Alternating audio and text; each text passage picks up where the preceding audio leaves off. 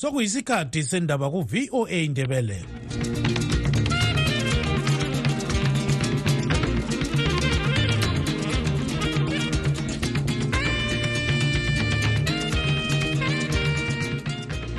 lami ngithathe leli thuba ngibonga uthanonoka wande ngimfisela umnyaka omutsha omuhle. Lingalivuka njani zulukandaba ulamukela emsakazweni westudio 7 ngelanga le-new year ngomvulo mhla ziku-1 zibandlela 2024 nguchris gande. Endabeni zethu lamhlanje umanyano wezinkonzo wezimbabwe council of churches izolo ube lo mbuthano wokucela ukuthula elizweni lapho kade kulomongameli emerson mnangagwa kodwa kungela enye nkokheli yamazwe yamanye amabandla ezombusazwe. Hayi umongameli ubongile ubudlelwano obukhona phakathi kwamabandla nohulumende wakhuluma njalo langezinto ezithize esezenzakele phakathi kwelizwe ezinhle. Inhlanganiso egqugquzela ukukhumisana umlotha kudaba lwegugu rawundi eyepist ithi akumelanga izinduna zikhokhele lolu hlelo kodwa kumele kulandelwe isekelo sombuso welizwe. Thina silandela iconstitution yezimbabwe. Usection 251 ikhuluma ngokubumba i-national peace and reconciliation commission. Ibandla le-mrp lalo lithi alilathemba lokuthi uhlelo olukhokhelwa zinduna olokukhulumisana ngegugu rawundi luzaphumelela ngoba intatheli zindaba zingasoze zivunyelwe emhlanganweni ezenziwa. Esikusolayo yikuthi kuthiwe ezingxoxisaneni zezinduna labantu onozindaba abasoze bebe khona. Zonke lezi ndaba lezinye lizozizwa khonapha emsakazweni westudio 7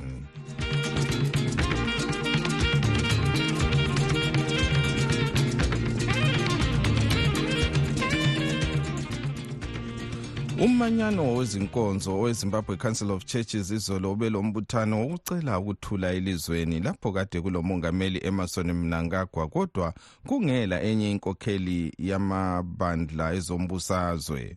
Lumbuthano owenzelwe kobulawayo ususenziwa minyaka yonke ngalesi sikhathi sokuphela komnyaka abanye bathi umbuthano lo ulixesha labezinkonzo ukuthi bamanyanise ilizwe kodwa bona bazinxusela umnangagwa yedwa lomsekeli wakhe umnumzana constantino chiwenga sixoxe lobishop sinda ngulube okhokhela isonto ye-brethren in christ church laye obekhona embuthanweni wayizolo. Hayi umbuthano bungokubonga um lokho esithi ngesingisi i-thanksgiving um le-dedication set um sibonga kakhulu impilo um sikhangele umnyaka wonalo twenty three um sibonga kunkulunkulu ukuthi ngempela kungumusa wakhe ukuthi siphile senze umsebenzi senze lakho konke njengabantu elizweni. Lokubonga ezinye izinto ezinjengezulu unkulunkulu oselilethile phakathi kwelizwe nalithi ikakhulu ngemva kwembiko le-climate change ukuthi kuzaba lokuthisa okukhulu kakhulu. Kodwa unkulunkulu utshibilisile izinto kwaba khona imvula. Yikho siyabonga. Njalo sibonga nje ukuthi unkulunkulu usigcinile wasiphilisa loba kwesinye isikhathi kulobunzima saze sazofika lapho. Njalo simnikela umnyaka oka-twenty twenty four um enkosini nokukhokheli um elizweni lasebandleni lonke jikelele. Ngoba nti nxa unanzelela bekungumbuthano lo oqoqwe amabandla ehlukeneyo lapha ezimbabwe. Yena umongameli welizwe unxusiwe kumbe kuhambe njani ukuthi azabe khona? Hayi unxusiwe baba unxusiwe. Anti nxa unanzelela ukuthi um le lo mbuthano lo bungowesikhombisa utsho ukuthi uhlale usiba khona xa umnyaka usiyaphela. Njalo umongameli uyanxuswa laye um ukuze laye atsho amazwi. Ikakhulu namhlanje ube nguye u-best of honor okade khona yena ukhulume ngani umongameli? Hayi umongameli ubongile ubudlelwano obukhona phakathi kwamabandla nohulumende wakhuluma njalo langezinto ezithize esezenzakele phakathi kwelizwe ezinhle impumela ikakhulu sikhangela ukulungiswa kwemgwaqo eminye ethize ukulungiswa njalo ukwakhiwa kwedamu leliyani ishangani kwaye-river dam ukuthi kukhangelele ukuthi kuthuthukiswe indaba zamanzi ngapha ikakhulu kulo mhlubulo wemathebeleland um phezu kwezinto zonke eziningi azikhulumileyo kubonga nje ukusekelwa libandla um mayelana lendaba zokuthula um phakathi kwelizwe lakithi. Of course lokho ngi-summary engiyitshoyo ziningi izinto akhulume ngazo ezinhle laye ebonga esithi ukuthi ngaphandle kokuthi unkulunkulu abe nguye osipha impilo osipha amandla thina singeke senza lutho njengesizwe ye manje abanye uh, enye inkokheli yezombusazwe ibinganxuswanga yini? Bekunxuswe umongameli yedwa? Hayi anti ubekhona umsekeli wakhe. Lo-ke ngubishop sinda ngulube okhokhela isonto i-brethren in christ church ubekhuluma ecingweni lestudio 7 ekobulawayo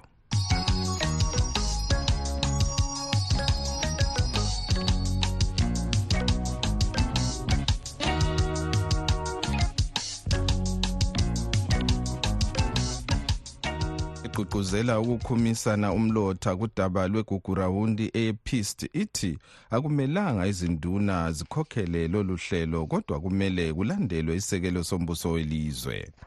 Umongameli mnangagwa wapha induna zomdabu umlando wokukhokhela lolu hlelo ezigabeni zelizwe lonke. Umkhokheli wepist umnumzana felix magalela mafasibanda njalo engumsekeli wesikhulumeli sebandla le-ccc utshele istudio 7 ukuthi isisekelo sombuso welizwe sikubeka sobala ukuthi kumele kuthathwe nyathelo bani ukuze kukhunyiswane umlotha. Hatshi ukuthi induna zibe yizo eziphambili ngoba lazo zathinteka kumbhuqazwe lo kulusizi mahlabezulu ukuthi into yombhuqazwe igugurawundi abantu sebethatha njengomdlalo. Thina silandela iconstitution yezimbabwe usection 251 ikhuluma ngokubumba i-national peace and reconciliation commission. Abantu bangafunda ichapter yonale bazabona ukuthi ngobani abantu abaphiwa umlando woku ukukhumisana umlotha lokukhuluma ngezinto zombhuqazwe lokuthi abantu bangahamba njani besiya phambili. Sengimangala thina abe-post independent survival trust ukuthi uhulumende kababa umnankagwa sekhupha amandla aphiwa i-national peace and reconciliation commission seyiphi izinduna izinduna labo ngama-victims ngabantu abafelwa ngabantu. Yikho-ke siyamangala ukuthi bonaba abantu abahlutshwa abahlutshwa yigugurawundi yibo sebekuthiwa bacubungule. Bazacubungula njani labo bangabantu abangama-victims?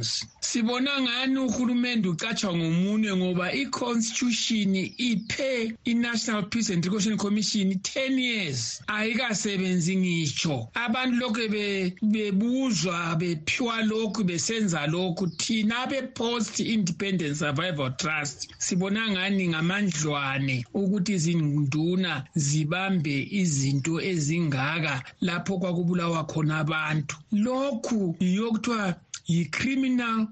Justice. Abantu ababulalana khona akungeni nduna kungena ezomthetho ukucubungula ukuthi ngobani abenza lokhu bekwenzelani. Kodwa khathesi abantu sebethatha isikhathi bedlala isinjonjo kuthiwa kuyakhulunywa. Kukhulunywa lobani? Bangaze bakubone ukuthi abantu babulawa ngubani? Baza kuhambisa yini entabeni besazi ukuthi intaba yiyo eyayi ibulala abantu.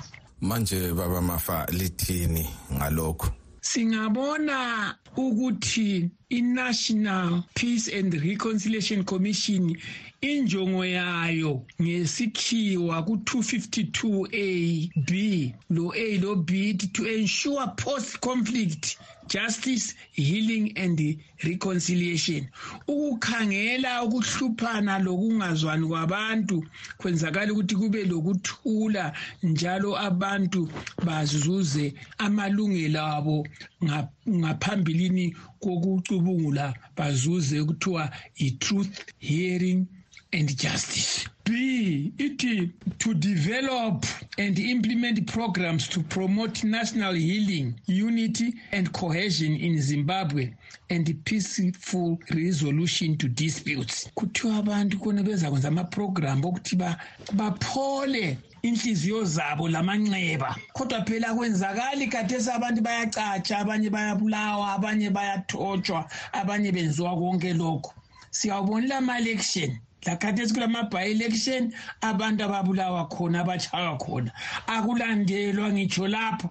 Okokugcina ngifuna ukuba luc ithi to develop programs to ensure that persons subjected to persecution torture and other forms of abuse receive rehabilitative treatment and support. Kuzaba lama-programs afanele bonke laba bantu ababehlukumezwa bebotshelwa mahala abanye bebulawa. Benzi benzelwe ukuthi bancediswe ukuthi bengabantu njengabantu wenzela ukuthi ukwesaba lokuphupha kabi kuphele abantu bahlalisana lo-ke ngumnumzana felix magalela mafasibanda umkhokheli wenhlanganiso egqugquzela ukukhumisana umlotha kudaba lwegugurawundi e-pist njalo engumsekeli wesikhulumeli sebandla le-ccc lokhu sikudaba lunye ibandla le-mrp lithi alilathemba lokuthi uhlelo olukhokhelwa zinduna olokukhumisana olokukhulumisana ngegugurawundi luzaphumelela ngoba intatheli zindaba zingasoze zivunyelwe emhlanganweni ezenziwa.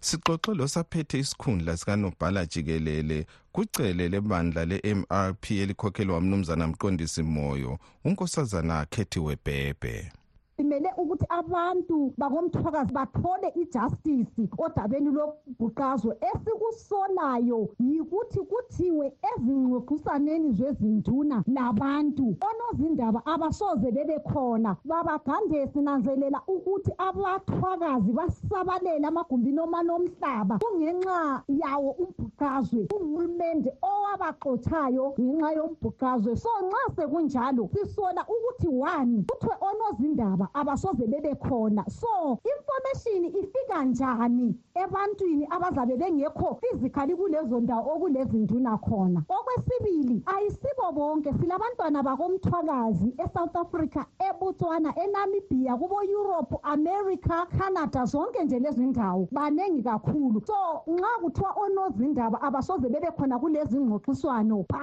but bazobikelwa kumbe according to induna ukhumalo ngizwingani kumbe ukuthi bazathi-ke kumbe once a week bona bese beripotele onozindaba. If kunjalo mina ayifili siyinhlanganiso sifila ukuthi abantu kumbe onozindaba abasoze bezwe okukhulunywa ngama-victims direct but bazezwa esingakuthi yi-relayed speech okuzakhulunywa ngabochifu akuzakhulunywa yizinduna kuyasolisa lokho ngoba iqiniso alisoze liphume. Babagande labalaleli alisoze liphume iqiniso lapho phela kumele sinanzelele ukuthi izinduna ziphiwe lowo mthwalo. Ngulo uhulumende onguye futhi umadala lelo cala lombhuqazwe. So kune-possibility yokuthi zingabe izinduna zitsheliwe okumele kuvele lokungamelanga kuvele. Thina sifile ukuthi uma kune-transparency udaba lolu selulungiswa ngeqiniso onozindaba kababe khona bekhone labo ukuripota lokuhambisa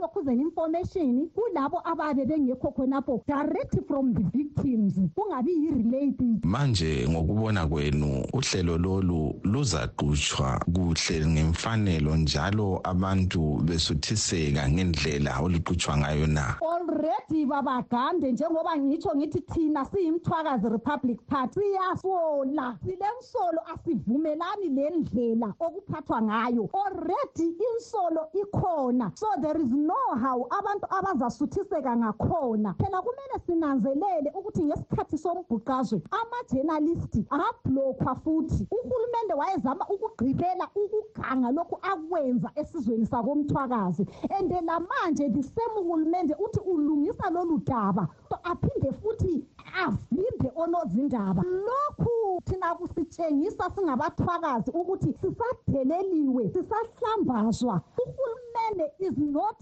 ready ukuthi alulungise lolu daba.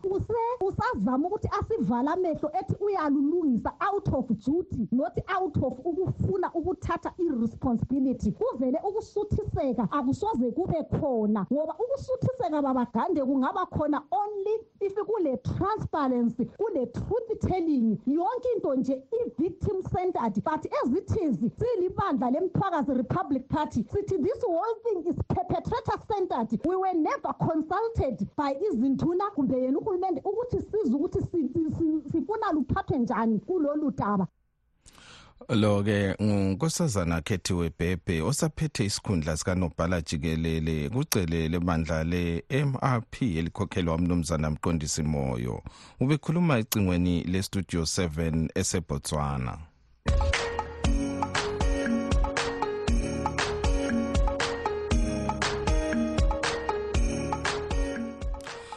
Okwamanje sengidedela emuva ngelichiya ezandleni zenu lina balaleli bethu kumbono yenu elisithumele nge-whatsapp. Studio 7 izanu kayilungisise indaba ebalulekileyo indaba ye-disputed election. Hhayi le ndaba sebefuna ukuyenza ifeja feja le ukuthi sebeqala ukukhuluma ngegugu rawunde ukhumalo laba izinduna sezizama ukuthi zizenzele imali ngokuhlupheka kwethu esakubonayo ngo-1983 akulungiswe first asiqaleni la abalungise indaba ye-disputed election. Bekhohlwa ukusiyenza lokhu nalokhu besihlanganisa amakhanda. Mina ngakho akalungisa indaba le. Disputed election omunye nomunye kuzanu ma engene ekhuluma ukuthi izanu ilungile abazi ngani ukuthi kule disputed election? Basilungisela nini? Iyindaba esibisele emuva leyo disputed election first lokho kwegugurawundi kuzobonakala emuva. Izinduna lezi zingazenzeli imali ngokukhala kwethu. Studio seven studio seven njanini njani? Ngumthembo okhulumayo. Hayi siyayizwa indaba yegugurawundi manje phela senasiqiniseko sokuthi izokhulunywa ngendlela yini. Ngoba omayenza ulutho abafuni phela ukuphumela egcekeni babeklini ebantwini. Njalo futhi nakhona okokuthi kuthiwa izokwenzelwa nsitha. Hhayi manje asakwazi phela ukuthi nxa isenzelwa nsitha izokwenziwa ngendlela eyiyo. Kumbe bazothatha bona abantu be-zanu p f ama-supporters abo beyiwo abawakhulumisayo babe sebesithi sesikhulumile nama-victims. Ngoba phela i-zanu p f asayithembi izenzo zayivele ngezobuqili. Anti vele njengoba kuyiphathi yobuqili njalo kuyiphathi ecindezelayo aqiniswa lankhona sezisibelazi kahle ukuthi benze izinto ngendlela yini? Ngwavela bathembisi. Salibonani studio seven salibonani salibonani dungamlenkomo bonke abasakazi salibonani siyalibingelela ngegama likajesu. Mina engikucela ezinduneni ukuthi zingangeneli indaba abangazaziyo. Ngoba bathi bebulala abazali bethu omnankakho azange beyecela kibo. Nxa kuyikuthi bona bacela kibo ababuyeke bezokhuluma lathi. Lokho kwekugurawunde ngabayekela thina besiqhubele ilizwe lethu kusingumthwakazi ngoba ayikho into ezaqeda amanxeba ethu. Njalo futhi langaze bethi bayasibhadala sasingatshongo ukuthi sithengisa impilo zabobaba bethu. Abasekele sinjalo besinikeze imathebelele ndethu siziphilele sodwa labo beziphilele bodwa. Bona yinto engasenza sibe ngcono empilweni zethu. Studio seven ndivuka njani labalaleli hayi sezwa ubaba ukhumalo lapha induna okhuluma ngodaba legugurawondi kanti kufihlwane kungafuneka amamidiya kulezo ndaba ngoba indaba ezenzeka mcekethu mceke leso sikhathi kungafihlwanga. Manje sokufihlwane ukuthi kungabonwanga umhlaba wonke. Fanele kubonwe ngumhlaba wonke yonke le nto le ngoba kwenziwani lapha kwenziwa ukulungiswa kwenziwa amandlwane besicela imidiya ibe khona bengadlali ngabantu bakithi. Abantu bafela okhulumayo uzenzo ngwenya uphume echolojo salibonani balaleli bestudio seven okhulumayo nguthi one moyo um umbuzo wami uthi kathi uchabango yena uyini? Ku-triple c. Bathi abamazi phela abe-triple c kodwa uyacotshisa amalunga e-triple c. Ngayiphi indlela? Oprince duyebo badla amalahle bathi abamazi uchabango zwana-ke wena chabango nami angikwazi ungasijwayeli kabi. Awuboni na ukuthi ingane zezimbabwe ziyahlupheka? Abantwana basasezimbabwe bayahawule basemazweni botswana south africa ngaphi ngaphi zambia namibia bedinga amadlelo aluhlaza. Wena chabango sokuthuka umuntu omdala jwayeli kakho chabango wena asijwayeli wena. Um sanibonani sanibonani ebakwethu eyasibingelele lapho kustudio seven. Um bakithi mina ngiyazi ngiyangizwela kudabuka okukhulu ukuthi isizwe sasezimbabwe abantu bahluphekile bonke umuntu olaphana ezimbabwe uyathinteka kakhulu bakithi. Um bese kuba khona abantu abafana nalo baba lozibiza ukuthi u-innocent dibale othena okhokhela iqembu le-e f f ongela ngisho nomlandelo yedwa olandelwa abantu bakhe nomfazi wakhe kuphela um ebesekhuluma uzwe njalo la khuluma khona uvuna izanu p f yakhe. Yona iyiyo futhi ehlukumeza abantu. Kanti abakhe abantwana baphila kuliphi lizwe? Baphila kahle yini? Yena ngoba umuntu onezimali kusho ukuthi oyadla noma naye kuye lezanu p f yathina lezanu p f yakhe ayisizi ngalutho bakithi siyahlupheka. Abafowethu bayashiswa emazweni. Manje akusenamsebenzi emazweni siyahlupheka siyaphushana nabanikazi bamazwe kodwa nakhona phila kanzima bakithi.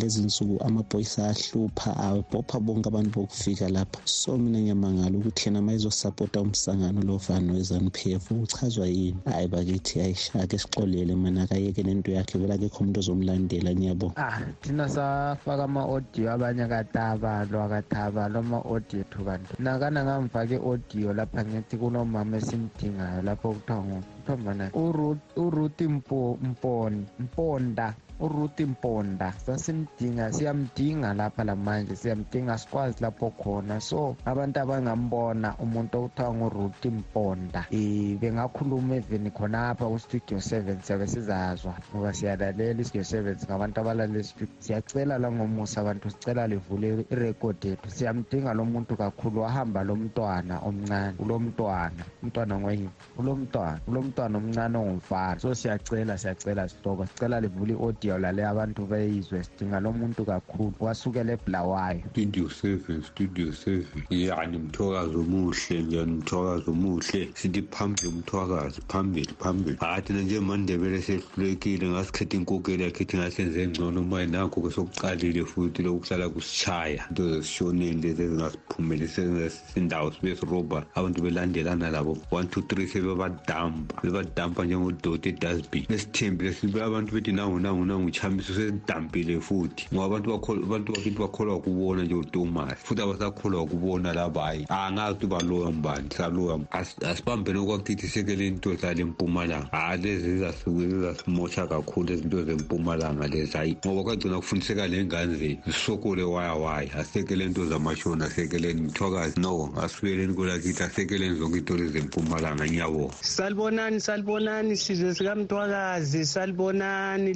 lonke nje amagumbi amane omhlaba lapho elikhona. Ingabe eh amajaha lawa aphetsheya bengalalela amazwi ami lawa bawathumele emazweni bafake kustudio 7 ahone ukuthi umuntu wonke ezwe ukuthi kulomunye ubaba othiwa ngokanyongolo unkomo onamazwi amanye ofuna ukuwatsho ebantwini. Amazwi engifuna ukuwatsho yilawa madoda lonke lapho elikhona lilalele kahle. Eh singahlupheka nje sidubeke. Sithini thini sithi sizavota sizathini? Ukuvota kusancedi lutho kuleliyani lizwe. Iminyaka emingaki sivota sihlupheka. Sizwe sikamntwakazi asicabanga iplani eyodwa. Kuphela ukuthi izimbabwe ayibe um nebhawundari ukuthi sizwe sikamthwakazi siba ngapha. Because ngokuthi siyavota ukuzihlupha um wona sizwe sikamthwakazi khangela ubone. Amaphathi mangaki namhla um akade ewina abantu abantu babone ukuthi i-opposition party winile kodwa akuphumi ukuwina kwakhona bayancindezela bathi ledwa izanu iwinile. So kungcono ukuthi sizwe sikamntwakazi thina silwele okungokwethu singalweli amavoti ukulwela amavoti siyaba singazi lapho esiyakhona ngiyabonga. Studio seven okhulumayo nguthamsanqa kwandlovu ophuma esigabeni sasitsholotsho ezalwa ngusibanda ohlala esigabeni saseluagweru kosparo. Ngithi happy birthday baba wami. Ukhule ukhokhobe mhla ka-one january.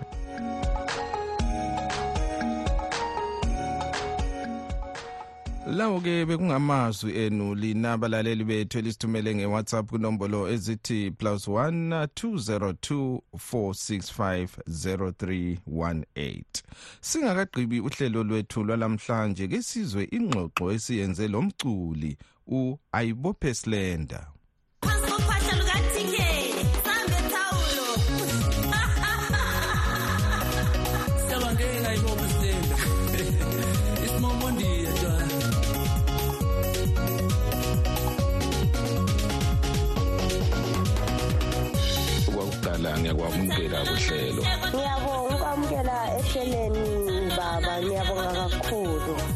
ungasitshela ukuthi kahle kahle usilenda ngubani?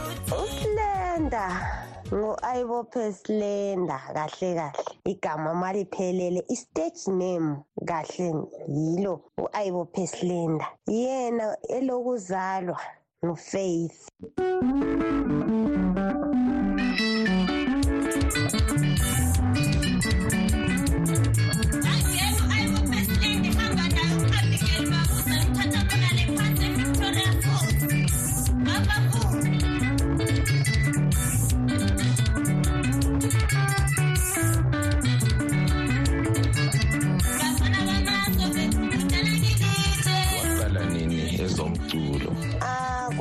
Kwezomculo ngingene ngisasemncane kakhulu. Angis- ngeke ngisatsho iminyaka engaqala ngayo. Ngiqala ukugida kumukis connection.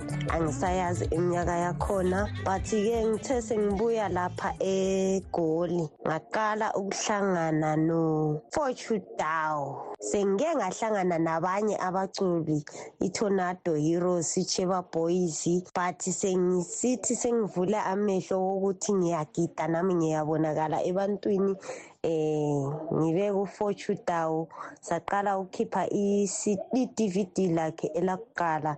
It was 2000 and I'm not sure 10 or 11 asengikhohliwe khona lapho.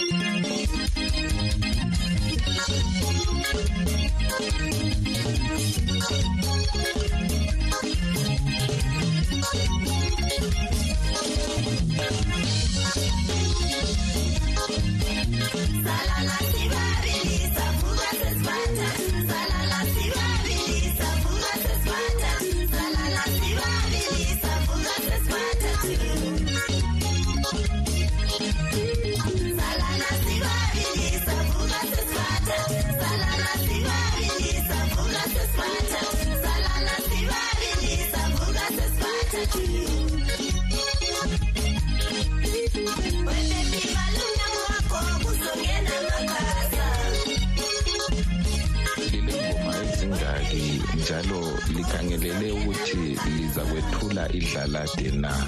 Eh ingoma seziziningi ama-albhamu edisco angu-5 bese kuthi i-albhamu yeqembu lamavikankani iyi-1 eh kwamanje siyethule i-single track eh niyathembisa ukuthi lizobuya idlalade kungekudala eh isihloko nizasitsho maseyikhona ngamafitshane ungasitshela labo ocula labo. Eh engicula kahle kahle umuntu oculayo nguye uslender ngibuye ngizibheke. Eh bese kuthi kule isingi engiyikhiphe manje ngifeature omunye ubhuda bathi nguthiwa isi champion dawo oleqembu le-the young challengers okokugcina ungavalelisa abalaleli? Ngiyabonga kubalaleli bonke abalalele le interview esiyenza manje. Inkosi ilibusise.